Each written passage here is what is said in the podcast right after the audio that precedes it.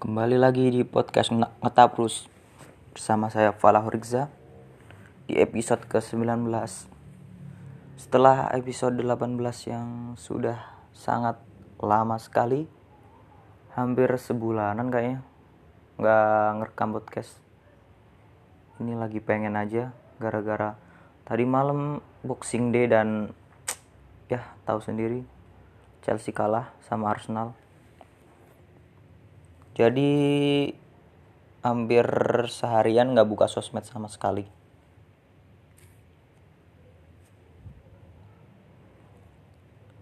Nggak buka sosmed sama sekali sambil buka Twitter. Biar soalnya saya kalau bikin podcast ngerekam podcast itu nggak ada persiapan. Jadi sambil jalan aja tadi malam Chelsea main di Emirates lawan Arsenal. Yang sebelum pertandingan Chelsea ada di peringkat kelima kayaknya. Kalau menang sebenarnya berpeluang bisa naik ke peringkat dua. Tapi kalah. Dan sedangkan Arsenal lagi di peringkat 15 kayaknya. 15 yang poinnya 14 poin sama peringkatnya sebenarnya lebih gedean peringkatnya daripada poin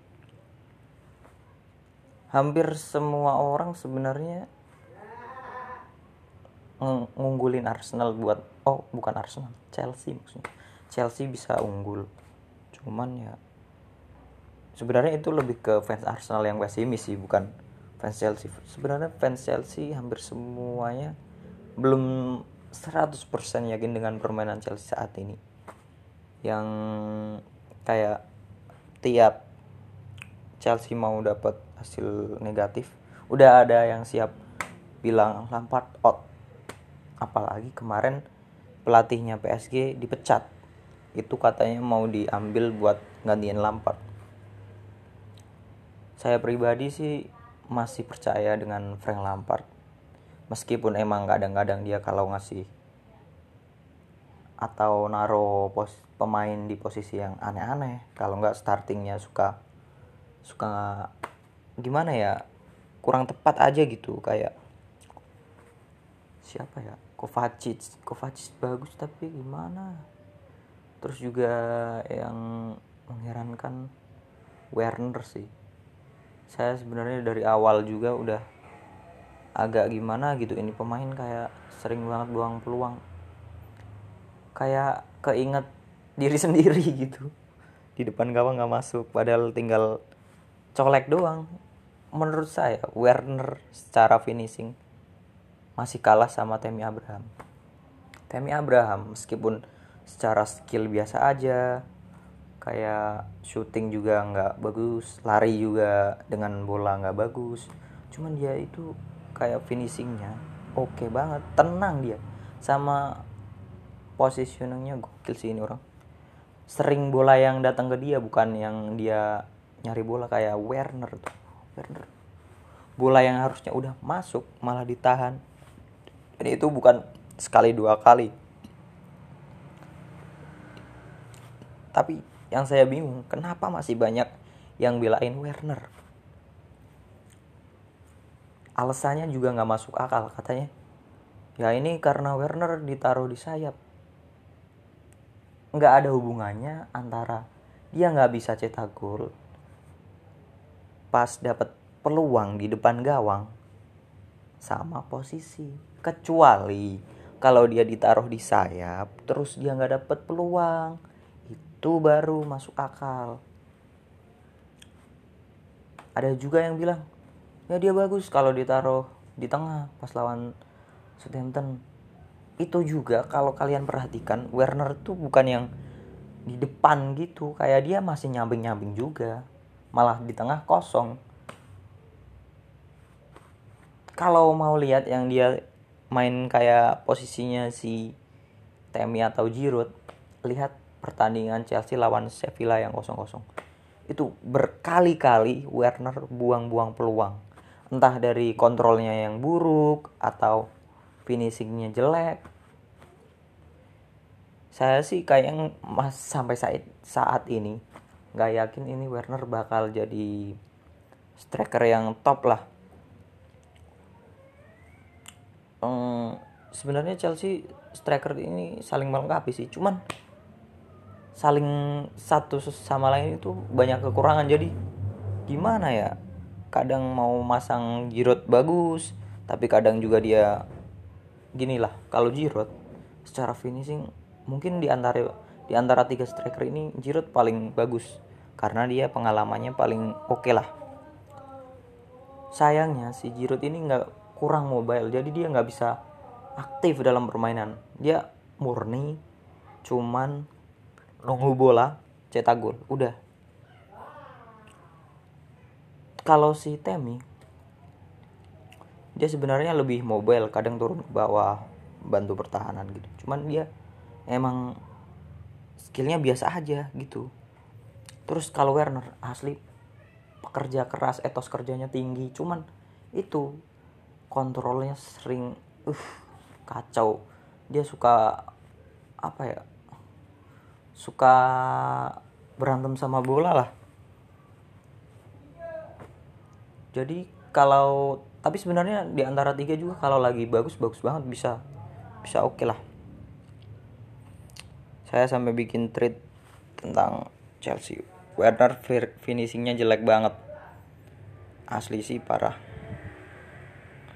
Pas ini pertandingan Chelsea lawan lawan apa sih? West Ham.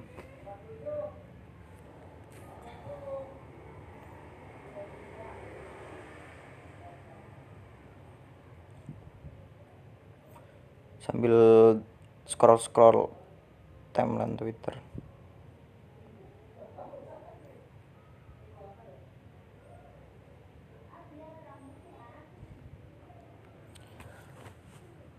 Hmm, suka sebel gak sih kalian sama orang yang manfaatin situasi dengan dalih pertama kemanusiaan terus agama keluarga itu sebel sih. Orang kalau mau minta bantuan maksudnya bukan bantuan sih lebih ke nipu. Jangan pakai inilah. Soalnya manusia tuh se ignoran ignorannya kalau disentil soal kemanusiaan agama keluarga itu mas pasti agak luluh lah. Jadi orang yang nggak bantu itu kayak ada rasa gimana ya? Misal dia ada minta bantuan terus kita ah anjir ini paling juga nipu. Tapi masih ada ah masa begitu? Gimana ya? Misal kemanusiaan orang minta bantuan gitu bantuan sosial gitu. Orang pasti ngasih. Kemungkinan orang nggak ngasih itu ya lebih sedikit minimal receh lah. Receh tapi kalau dia mintanya ke berapa ya? Banyak orang jadi kan sedikit demi sedikit lama-lama jadi bukit kan. Itu sebenarnya kayaknya sedikit demi sedikit lebih lebih cocok dipakai dibuat orang yang minta bantuan daripada nabung. Soalnya nabung kalau sedikit demi sedikit lama-lama bosen. Terus diambil terus buat jajan. Anjir ini nggak nggak banyak banyak gue ambil aja buat jajan gitu. Terus agama agama juga ini. Nggak tahu kenapa di tempat di depan tempat saya kerja. Setiap pagi ada orang pakai kopi ya terus bawa amplop ngasihin orang-orang yang jalan. Maksudnya ya kenapa gitu? Harus pakai ini apa simbol simbol orang muslim. Ini kan kayak bikin seolah-olah orang yang pakai kopi ya jadi suka minta-minta. Gimana ya? Ya udah keluarga juga ini nyebelin sumpah. Keluarga itu kayak kata si Adri sih keluarga yang nggak asik tuh kayak anggota band yang nggak bisa lo pecat. Kayak kata dia lo kalau pengen tahu lo suka sama keluarga lo lo pikir aja itu anggap aja satu kelas terus kalau lo nggak mau temenan sama dia di satu kelas itu berarti dia nggak asik. Itu. Keluarga itu. Emang gitu suka kayak misal minta bantuan misal bantuan gitu pasti dalihnya bilang kita kan keluarga kita harus saling kita harus saling tolong menolong. Eh tapi ini posisinya lo ju ini cuma lo yang minta tolong bukan tolong menolong ini mah. Parah sih emang ini juga. Kenapa sih orang? Ada juga yang minta bansos mengatasnamakan difabel. Kayak menjual kekurangan orang atau eh, kesedihan ke apa ya kemalangan orang dijual sama dia. Kayak dia ya mungkin ada sih bisa orang ini orang kayaknya emang sangat baik soalnya dia minta oh mintain bansos buat orang difabel. Orang difabelnya aja dia nggak tahu kalau ada orang yang mau mintain buat dia. Ya gitulah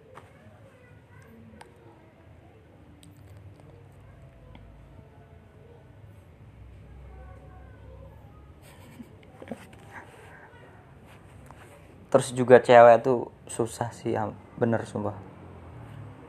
Kita mesti gimana ya? Kayaknya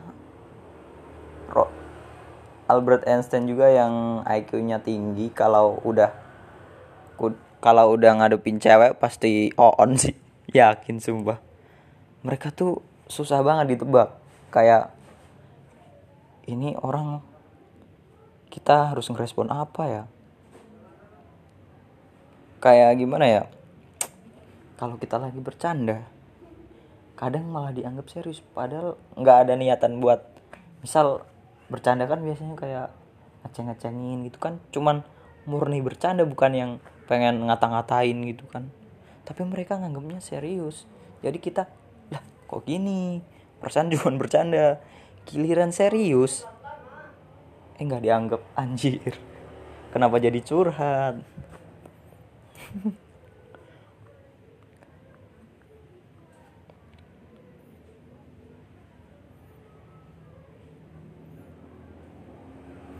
Detikcom juga kalau bikin berita aneh-aneh banget.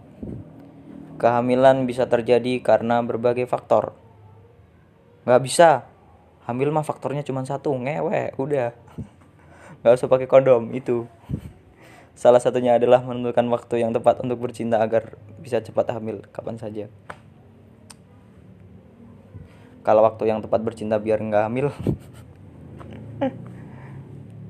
suka sama orang yang nggak suka sama kita itu seru. Tapi ya itu seru doang. Anjir. Bener sih. Asli sumpah. Kalian pernah nggak sih uh, ditaksir orang tapi kayak malah kitanya biasa aja. Kayaknya itu bukan karena kita nggak suka lebih kayak anjir kenapa nggak ada usahanya? Kita kayak ah ini mah kurang seru oi. Emang kalau saya sih lebih suka sama orang yang nggak suka sama kita nggak tahu. Dia lebih cuek gitu lebih suka sih. Kayak seru kayak suka sama orang yang nggak suka sama kita itu seru. Tapi ya itu seru doang. Tapi lama-lama juga anjir ini mah lebih kecapek sih bukan seru. Lagi-lagi curhat bung. Ini juga di TikTok yang rame tuh.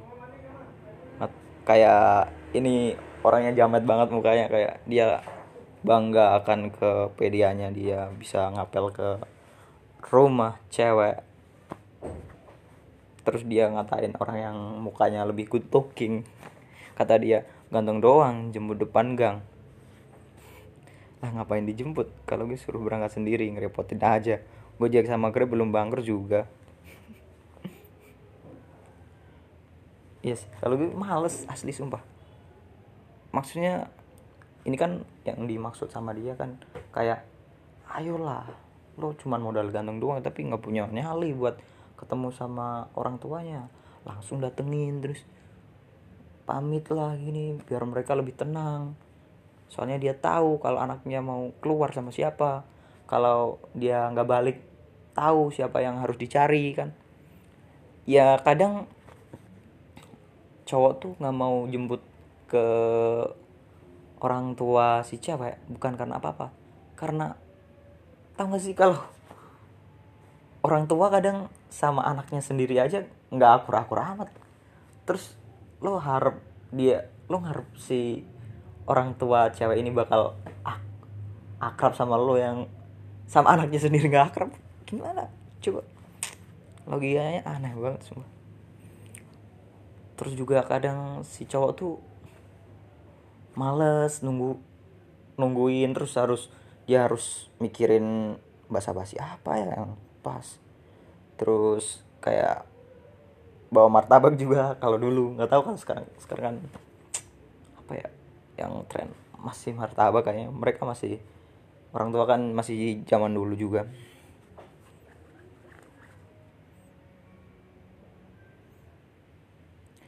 Terus ini juga apa ya pencarian bakat. Banyak banget pencarian bakat di TV nyanyi terus dai juga agama lagi-lagi kan. Dan itu banyak yang nonton. Tapi dari sekian banyak pencarian bakat yang saya masih bingung masak. Masak kenapa harus dicari?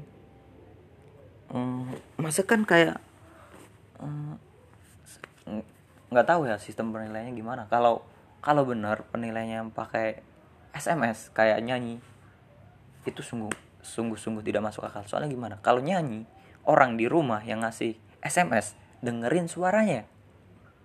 Oh enak ini. Oke. Masih masuk akal. Tapi kalau masak dia nilainya berdasarkan apa? Berdasarkan omongan si juri yang ada di, di depan yang masak. Kayak hmm, masakan kamu enak tapi penyajiannya jelek. Lah langsung yang dari rumah lihat iya penyajian jelek. Nggak dipilih. Padahal kan nggak tahu rasanya. Emang lu mau makan makanan yang gimana ya? Hmm, nyobain. Nyobain makanan. Nggak enak. Oh tapi sepertinya sepertinya tampilannya oke. Ya udah kita makan. Nggak mungkin dong. Makan mah yang penting rasa bro. Tapi mungkin emang emang ada sih makanan yang lebih baik jangan lo cobain. Cukup buat di foto terus dipajang di Instagram. Udah itu aja. Emang ada yang begitu? Terus ada juga yang maksudnya duk ini yang aneh juga. Ini orang-orang yang dari rumah.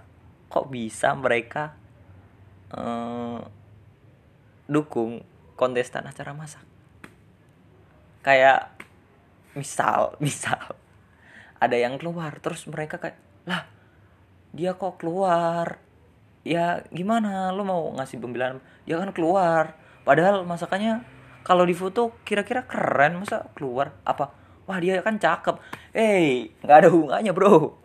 Keluar. Asli aneh sih.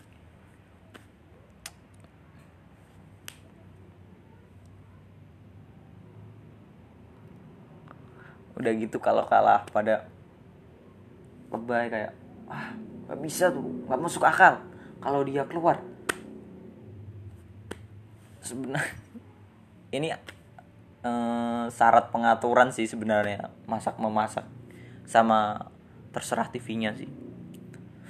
Saya juga nggak yakin itu juaranya. Secara dia masak lebih enak daripada yang keluar minggu pertama. Bisa jadi yang pertama sama yang terakhir keluar masakannya paling beda-beda tipis lah terus kalau bener ini murni cita rasa tuh orang-orang yang punya punya apa usaha warung makan yang udah bertahun-tahun dan rame kalau ikut acara itu harusnya mereka menang. Tapi kan enggak ini pasti uh, pemilihannya pasti lebih ke wajah terus ada karakter muka gitu yakin? Masakan mah terakhir. Soalnya kata siapa kemarin saya nonton di YouTube apa? Dia ditawarin main film padahal dia ngerasa dia nggak punya skill. Terus ayo main film. Lah gue nggak bisa kayaknya. Apa-apa yang penting lu punya follower banyak. Ya gitulah pokoknya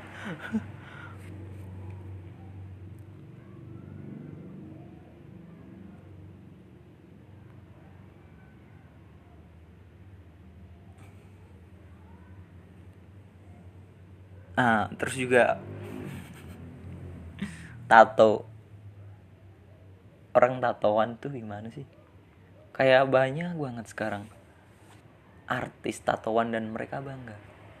Oke lah mereka artis. Tapi kalau ada orang yang tatoan tahu nggak kalian yang orang tatoan? Menurut saya gak semua orang keren kalau tatoan. Lebih baik sebenarnya nggak usah tatoan. Asli kayak ada orang emang yang kalau tatoan keren. Contohnya siapa?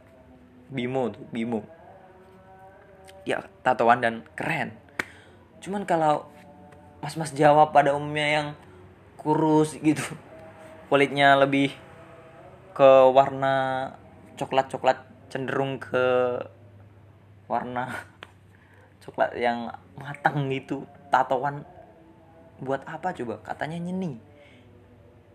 Seni seni sih tapi nilainya nggak nggak tinggi gitu. Seni seninya rendah kayak nilai seninya rendah.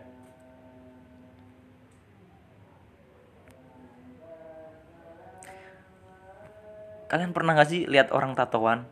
Nggak kelihatan keren malah jatuhnya norak kayak dalam hati mikir ini orang dapat keyakinan dari mana buat nato tubuhnya?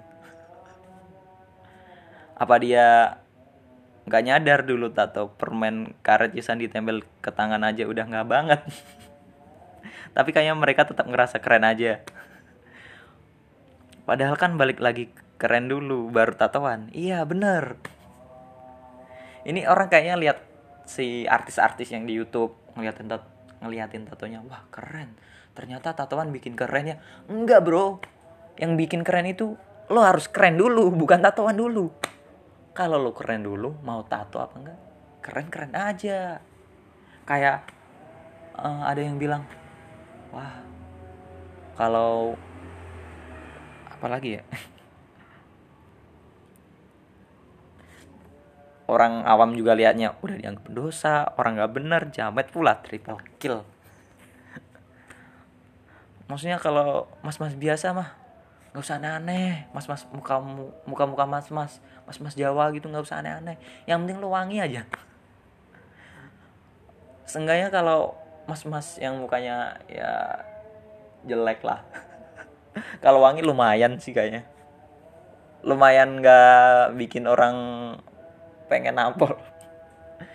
Kemarin di Retrobus bikin hashtag mas-mas wangi jadi mereka bikin hashtag ini buat buat mas-mas yang yang ngandelin wangi karena muka sudah susah karena dari lahir bro. Mereka ngerekomendasiin parfum yang mereka pakai tiap hari. Dan parfumnya mahal-mahal asli sumpah. Dan dan yang yang rekomendasi ini nih mukanya asli. Emang harus pakai parfum mahal sih kayak terus juga kemarin tuh rame banget. Yang Lesti. Anjir ini kalau ada yang denger fansnya ngomel-ngomel ah, udah amat lah nggak ada yang denger juga. Lesti. Lesti di, di dinobatkan sebagai wanita tercantik di dunia nomor 5 nomor 5 yang kayaknya sebenarnya pas zaman sekolah dulu dia aja sama cewek yang paling cakep di kel oh bukan cewek di dia aja kayaknya nggak masuk nomor 5 cewek tercakep di kelasnya. Yakin? Kalau suaranya paling bagus mungkin. Tapi kalau paling cakep enggak asli sumpah. Tapi waktu waktu si akun ini dan setelah selidik punya selidik ternyata akun yang yang ngasih si Lesti peringkat 5 ini ternyata palsu. Palsu. Tapi pas pertama keluar orang Indonesia yang kayaknya masih seleranya bukan Lesti. Saya juga sih bukan Lesti. Lesti itu artis apa bukan ya? Artis sih. Jago nyanyi tapi ya udah. Lesti di nobatin itu. Banyak yang kontra soalnya. Mereka masih sadar kalau misal pun artis terus yang harus masuk ke situ masih ada Raisa, Pevita, uh, Chelsea, bahkan bahkan siapa lagi? Uh, Wulan Guritno lah yang udah tua masih bisa. Lesti ya pun tapi fansnya Lesti pada ngamuk-ngamuk kayak mereka ya kenapa kalian malah nggak bangga kalau orang Indonesia masuk ke ya maksudnya ini bukan bangga nggak bangga soalnya ini kan lebih ke apa ya uh, mempertanyakan aja kayak masa sesuatu yang agak aneh kita harus bela cuman karena ini orang Indonesia. Nggak gitu dong. Terus yang lucu lagi ini waktu begini ada yang komen Lesti dinobatkan sebagai wanita nomor 5 tercantik di dunia. Ah, muka kayak Lesti mah dianjur. Oh, bukan bukan. Muka kayak Lesti gini di Cianjur banyak. Anjir. Iya juga sih kayaknya. Ini Lesti asli. Oh kayaknya yang bela ini orang-orang Cianjur yang mukanya. Anjir. Ah kayak Lesti. Berarti cakep nih. Dia langsung bela bela bela bela. Dan banyak orang yang mukanya kayak Lesti di Indonesia saya jujur sih nggak ngikutin lagu-lagunya Lesti. Soalnya nggak terlalu buka bukan nggak suka tapi emang nggak bukan seleranya di situ sih. Terus ini juga pendukungnya aneh lagi. Kemarin diumumin di apa dikonfirmasi sama akun yang benar. Dia bilang ini hoax gini gini terus si pendukungnya bilang nggak apa-apa. Meskipun dede enggak. Dede kan panggilan buat Lesti dede nggak masuk. Wanita tercantik di dunia. Seenggaknya kamu masuk di hati aku. Anjir nggak usah lebay. Masuk di hati aku apa? Oh, terus ya meskipun dede nggak masuk juga yang penting dede cantik luar dalam. Ya cantik relatif. Cantik sih relatif tapi kalau luar dalam. Kayak seolah-olah dia si Lesti itu tetangganya. Terus kayaknya kalau bener tetangganya masa ini orang nggak pernah ribut sama Lesti? Adalah konflik sedikit-sedikit yang bikin dia anjir udah jelek. Masa ada yang nobatin? Cakep gitu. Malah didukung. Kan nggak mungkin. Udah segitu aja lah. Terima kasih kalau ada yang dengerin udah 28 menit. Ngoceh-ngoceh nggak jelas. Berhubung ini kan libur. Saya ngerekam ini tanggal 27 berarti dua hari yang lalu Natal. Berarti libur Natal. Libur Natal yang sangat-sangat lumayan sepi sih. Ini mah home home alone real life cuman lebih ke kontrakan alone sih bukan home alone.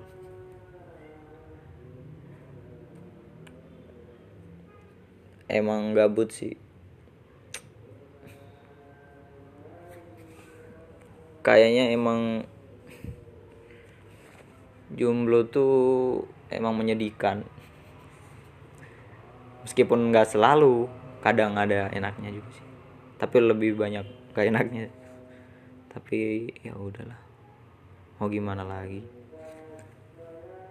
Pasrah aja. Saya mah kalau nggak dapet kalau nggak ada cewek juga masih bisa main PS kan? Masih bisa main PS terus ngerekam podcast. Ya ciao. Terima kasih kalau ada yang dengerin. Semoga jangan jangan bosen lah dengerin lagi kalau nanti saya bikin lagi. Oke terima kasih. Sampai jumpa